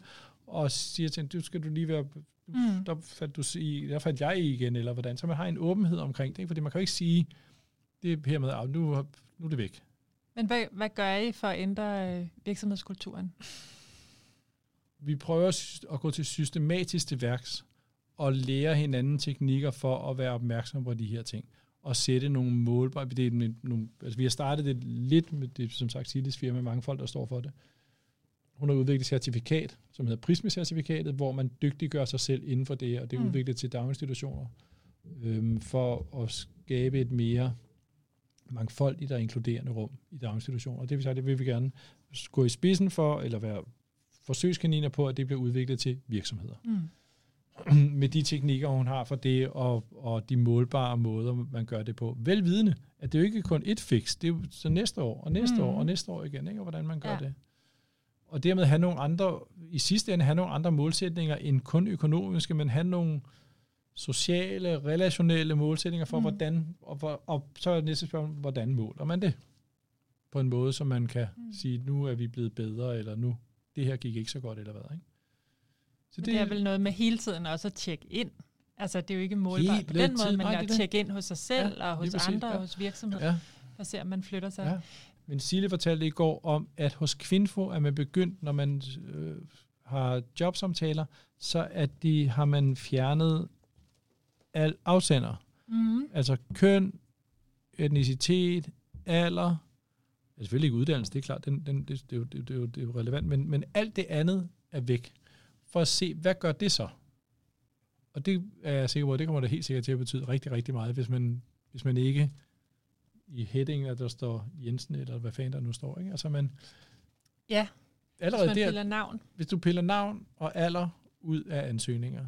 Navn, Fordi det alder, er faktisk i, i rigtig mange ansøgninger, at, der skal, at man gerne vil have et billede med. Ja, det er det, og det, kommer, det har du sagt, og hvad kommer det så til? Det er, bare en, det er en interessant Ja, øvelse. det er meget interessant. Virkelig interessant. Kan vi, og hvad, og hvad ville det betyde? Kunne du øh, finde på at efterleve det? Ja, ja, det var det, vi aftalte i går, det ville vi prøve. Ja. Spændende. Sille er jo faktisk, eller Cecilia Nørgaard, som du har været gift med i mange år. Mm. Kærester i 25 år. Åh, det er dejligt. Øhm, hun er jo faktisk også i bestyrelsen i Hun er i min virksomheden. bestyr, ja, lige præcis. Ja. Og har, I har jo et tæt partnerskab, tænker ja, ja, i jeg. høj grad. Er det lige så meget hendes firma? Eller hvor meget? Altså, hun er, på en hun anden er jo måde. ikke på- med på det, men alle store beslutninger er hun med ind over. Ja. ja. Det var i virkeligheden Altså, det, jeg ja, spurgte. Hvis, eller ikke, ville høre. hvis ikke hun havde været der, havde firmaet, der havde stadigvæk været et firma, der havde set meget anderledes ud. Hvordan? Hvad er hendes aftryk? Altså, dels har hun en ynde og en femininitet, som jeg synes er evigt inspirerende. Mm.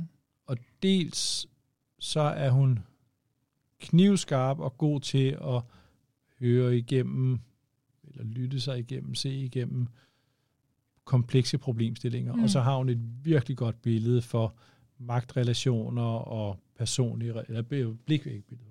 Har hun et virkelig godt blik for personlige relationer og magtrelationer, og hvordan Mm. magt spiller ind i forskellige relationer, og hvor følelser begynder at mudre tingene op. Så det, I det øh, forlængelse af det, vi talte om lige før. Mm. så er det jo øh, en vigtig egenskab, tænker jeg, Det er det, Som, ja. som du kan Ja, ja, i- læne i aller- i allerhøjeste grad, med. Ja.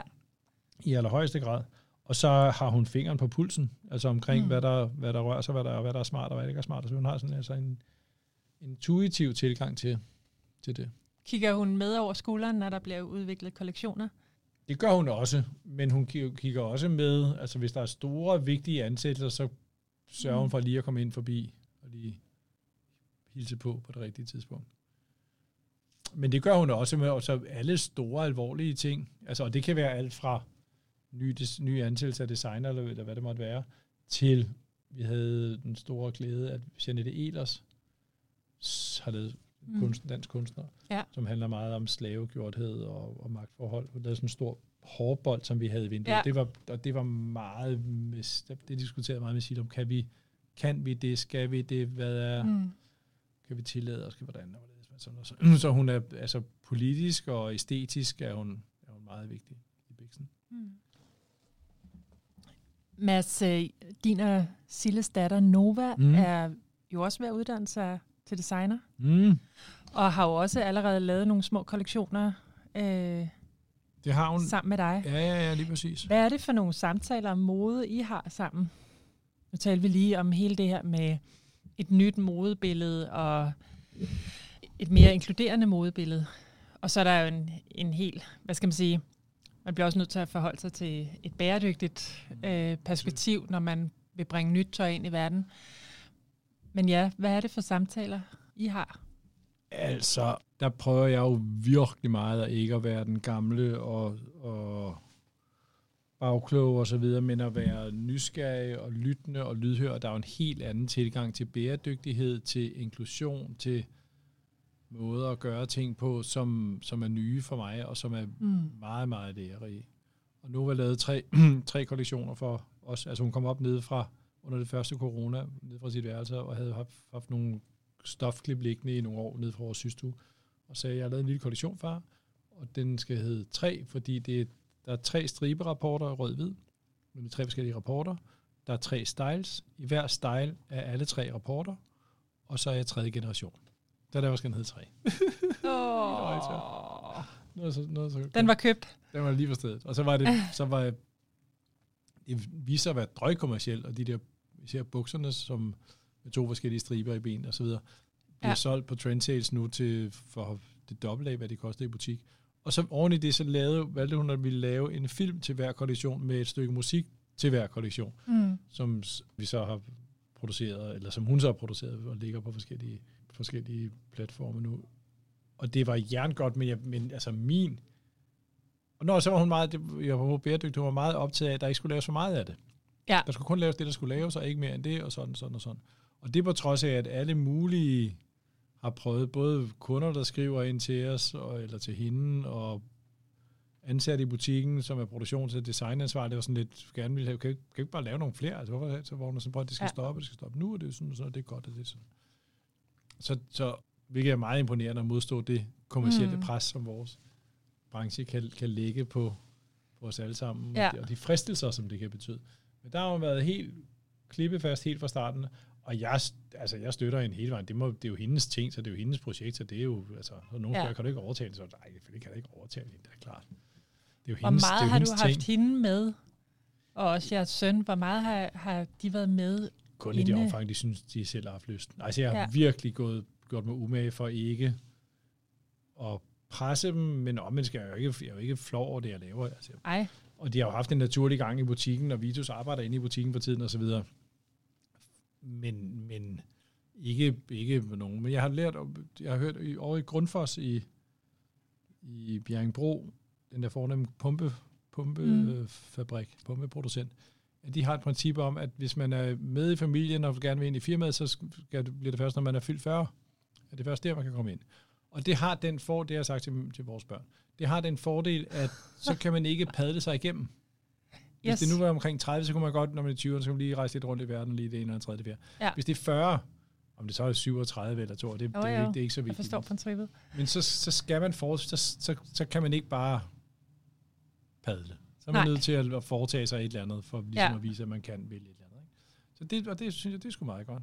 Men jeg tror, der er ikke nogen af dem, som har nogen drøm om. Altså, Vitus er lykkelig 18-årig, som kun tænker på skole og venner og ikke andet, og skal have fred til det. Men Nova går på designskolen, og øh, hun har overlov for tiden. Øhm, og er meget mere optaget af det taktile og tekstile og sådan noget. Ikke? Så det, ja, hvis der er noget, der er ærgerligt, så er det, at hende og Jørgen ikke kan sidde og tale om Jeg skulle lige til at sige, at, Det ville øh, jeg synes var sjovt, begge to. at og, øh, og, der havde de og, haft og nogle... nørder Øh, omkring øh, vævebindinger og så. Det ville de virkelig, han virkelig synes var sjovt også. ej, det er sjovt. Ja, det er sjovt. Mads, øh, du sagde lidt om i starten, hvordan din dag har været. Men hvordan, hvordan er en typisk hverdag for dig nu? Og møde på arbejde en halv ni, ni, et eller andet, være derinde ved nitiden, gerne før. Og være øh, i butikken, have møder med dem fra butikken, have møder med dem i design, produktion også. Øh, og gennemgå, hvad vi laver siden sidst, og med Jakob tale om, hvad vi, hvad vi skal siden sidst, og hvad, der, hvad, hvad har vi at glæde, og hvad har vi at sove. Altså, Mm. hvad er, hvad, hvad, og hvad skal, de ting, vi har gået og planlagt, er noget, der skal ske her nu, og så videre, noget, der vi skal kaste os over med det ene det andet. Er der noget særligt, du glæder dig til og ser frem til? Det behøver ikke være i forretningen. Altså, jeg glæder mig over det i sommer. Det er så trist. Jeg har et meget ambivalent forhold til Sankt Hans. Jeg synes, det er sådan en, det er så trist, at dagen bliver kortere igen. Og så synes jeg, ja. det der med at afbrænde hekse, synes jeg virkelig er noget råd. Ja, Men, men det kan man jo bare det være med. Men, men øh, det synes jeg er lidt trist. Jeg synes, det er vidunderligt ved at blive sommer, og vi skal have sommerferie, og vi skal til Grækenland, vi skal til, til Norge bagefter og sådan noget. Så alt det glæder jeg mig til.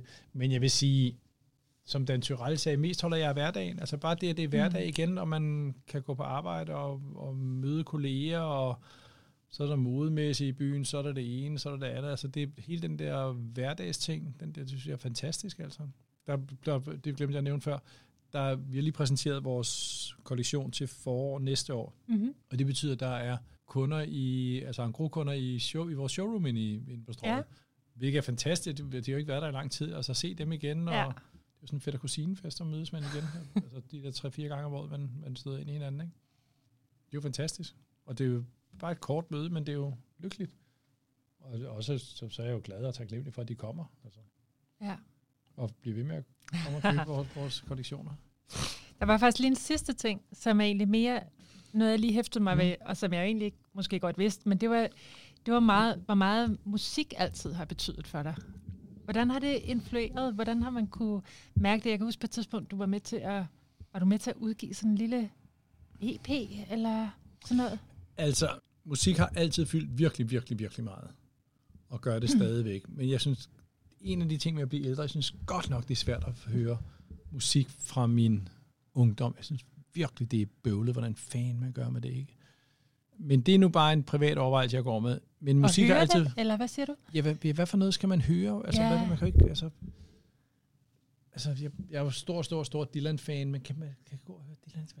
Altså, hvordan fanden kommer man omkring det? Hvordan, og hvad, hvad, der, hvad der har relevans, og hvad der virker mm. i dag, og hvad der ikke jeg synes, jeg synes, det er lidt bøvlet. Men når det er sagt, altså, jeg har lige været på Copenhagen, jeg har lige været på det ene og andet, tredje, fjerde festival, jeg skal på Roskilde, så, altså, så alt det, det, det fylder meget, og har fyldt meget. Jeg sidder i Vegas bestyrelse helt fra, da det begyndte, og i 16 år, Mm. og udgivet i forbindelse med, at vi lavede modefilm, da det sådan var i sin Ja. vorden, hvor vi fik anledning sammen med Juna Barnes, den, den afdøde poet og Mm. mm. DJ og kritiker, fik anledning, eller fik lov til, købte rettigheder til at remixe et gammelt sort solnummer, som vi udgav, som blev ugens uundgåelige på P3, og udgav film og LP og single og hist op og hernede, ikke? Ja. Med Heartbeats og jeg ved ikke. Mega altså super, super fedt. Sound of Copenhagen hed egentlig, egentlig compilation. Så, så der har altid været meget omkring musik, og det helt konkret i butikkerne, jeg har virkelig mange meninger om, hvad for noget musik vi hører, hvornår og hvordan og hvorledes. Ikke? Så, så på den måde fylder det rigtig meget stadigvæk. Mm. Rigtig, rigtig meget. Du har aldrig selv spillet musik? Nej, det er en af de store tragedier i mit liv. Ikke tragedier, men en af de Men så store er du sorger i blevet mit frontfigur i dit eget... Ja, men det, det, men det, og Brand, det, og eller det, skulle man det, sige det, det, er band? dej, dej, dejligt band, det er slet ikke det. Ja. Men, men nej, det er ikke en tragedie. Det er en sorg, at jeg, altså, det havde været skideskæg, men det, det, det har jeg ikke nået i mit liv. At spille i et band, det havde været, jeg synes, var virkelig sjovt. Men du er jo egentlig blevet sådan en slags frontfigur. Altså, når man ser tilbage, så kunne du måske lige så godt have været forsanger i et Ja. band. Tak. Ja, jamen, det er vel for så vidt samme, samme figur. Altså den, der stiller sig for, som Ja. ja. vi taler før med ølkassen, ikke? Ja, det er det vel. Har, det, På, samme måde. har du altid brudt dig om at have den der frontfigur øh? Ikke da jeg var helt lille. Altså der, i- der, da jeg prøvede at gemme mig i folkeskolen, som vi talte om. Ikke, dengang havde jeg det ikke. Nu tænker jeg mere som, mens du har haft Mads Nørgaard Ja, det har- det, det- fordi det har jo meget været... Du er jo et brand på en eller anden måde Ja, i sig det, selv, det, gør, ikke? det har jeg det fint med, altså. Ja, Der, det, det synes jeg kun er sjovt. Altså også at være den, der sådan siger, nu skal vi, velkommen, Ja. nu skal vi sådan, Ja, sådan, ja. sådan. Øl, Ja, op på ølkassen, Op på som du ølkassen. sagde. Ja, ja, det synes jeg er fint. Ja, ja, det kan jeg godt lide. Jo, jo, det synes jeg er både sjovt og vigtigt. Også vigtigt, at der er en, der gør det. Ja. Og tør at tage den og sige, nu skal vi... Vi starter med at synge en sang, og her er en højskolesang på, og nu sådan og sådan. Er det, det lyder som et meget konkret eksempel. Nej, men det vi gjorde vi, vi har ikke gjort det på den seneste, men nu har altid også været underligt eller anderledes Ja. på grund af corona. Men før det, når vi holdt månedsmøder, hvilket vi desværre ikke gjorde hver måned, men sådan hver anden måned, så, så startede vi med at synge fra en, høj, en fra, fra højskolesangbogen. Ja, det var mega fedt. Og fordi der er virkelig mange, der kan synge højskolesangbog, fordi der er virkelig mange, der har været på højskole. Ja. Finder man jo ud af, når man tager en højskolesangbog frem. Og det er bare fedt at synge. Og så har det den store, så hvis man starter og slutter et møde med en sang, så, så har det også den glæde, når man så går fra mødet, så går man og nynner den der sang, man lige har Mm. sunget, og det giver sådan lidt, ja, det giver bare en opløftet stemning i, i resten af dagen. Så der er også noget virksomhedskultur, som... Der er i høj grad, der er også, og så er der noget kultur i det også, ikke? Ja. Helt sikkert. Jeg Øhm, kan huske, du engang sagde noget med, at øh, du altid sagde, at man skulle, øh, man skulle aldrig skrive en e-mail, hvis der var nogen anden vej. Så skulle man gå ind og banke på. Ja, jamen det, Eller også det, så skulle det, du ringe. ja, det er et princip, vi har i firmaet. Ja. Det, er, ikke- det er ikke noget, jeg har fundet på. Det, jeg læste det fra SAS Institut, hed det noget, der lå nede. Ja, Det ligger der sikkert stadigvæk i Købmarkedet, hvor der var en af cheferne der, der blev spurgt, en direktør, der blev spurgt, hvordan har du det med din, hvordan håndterer du dine e-mails? Det var sådan et klassisk Ah, det var sådan, den kom. Fra, mm, det Ja. var sådan, det kom. Ikke? Og fra dengang, det man talte meget om, hvordan håndterer du dine e-mails. Og Ja. ham her, det var en mand, han sagde så, det gør vi i hele firmaet sådan her, det hedder gå, ring, skriv. Det betyder, Det er hvis du kan noget, hvis du skal noget med nogen, så rejser du dig op, og så går du ind og taler med dem. Og hvis de sidder for langt væk, så ringer du til dem. Og hvis du af en eller anden særgrund ikke kan få fat på dem, så sender du en mail, men først der i tredje hug. For det har den fordel, at man ikke sidder og mailer til hinanden hen over et Mhm. bord, plus at hvis man rejser sig op, så får man lige set, at den og den er kommet tilbage fra barsel, og gud er den kommet i gul, nej, var den pæn, eller hvad det nu måtte. Altså man, der Ja. opstår noget socialt i det, som er en meget vigtig del af det at arbejde sammen, og også at man Mm. ikke bare sidder og gemmer sig bag sin skærm. Ja. Og så er, og så er mails virkelig dårlige, ligesom sms'er er dårlige til at kommunikere. Mm. At det er sjovt, det er godt, og, og det kan være sjovt til hurtige beskeder og sådan noget. Det er godt til at bekræfte, men som kommunikation er det ikke særlig velegnet. Nej. Jeg mener. Altså til at tale sammen og forstå, ja. hvad den anden mener og sådan noget. Ikke?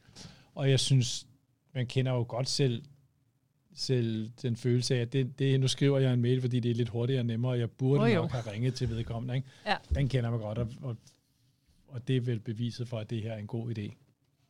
Fordi, altså, det der med, det, det, det er fordi, der skulle have været en smiley. Nej, det er Ja. fordi, du er en stivstikker, din. altså, helt ærligt, Marker. Du bare taget knoglen og ringet til mig. Ja. Fordi så havde det været løst i... Og så får man løst mange flere ting. Jo. Ja. Så det, det er et mantra, vi har inde i firmaet. Og jeg synes, jeg synes stadigvæk, det fungerer. Jeg synes stadigvæk, jeg kan gribe mig selv og tænke, det, det, det, du burde skulle have ringet, Mads. Ja. Ja. Det kan vi vist alle sammen kende. Ja, lige præcis. Ikke? Den, ja. og, hvis, det, hvis ja. det er rigtigt, så er den, så er den god nok. Altså. Ja. God ring skriv. Men, øhm, men Mads, det var noget med, at du skulle ned og have en øl hos en ven her nu. Ja. Ja. Jeg har en ven, der hedder Thomas, som, har, som er kunstner og har et atelier lige hernede mm. af gaden. Mm. Og han bor i Venedig for tiden, og nu er han hjemme og rejser tilbage til Venedig ja. i morgen. Så, det han, kan jeg så jeg, jeg tænker, han, og da klokken nu er lidt over fem, ja. så skal jeg lige ned og se, Jamen, han... så har du også været hos os i næsten to timer, så jeg, jeg tænker, en, jeg vil sige tak for nu. Tusind og så tak, det var en stor, stor fornøjelse. Tusind tak, og tak for invitationen. tak for det. Tak. Og glædelig sommer. Tak, Mads.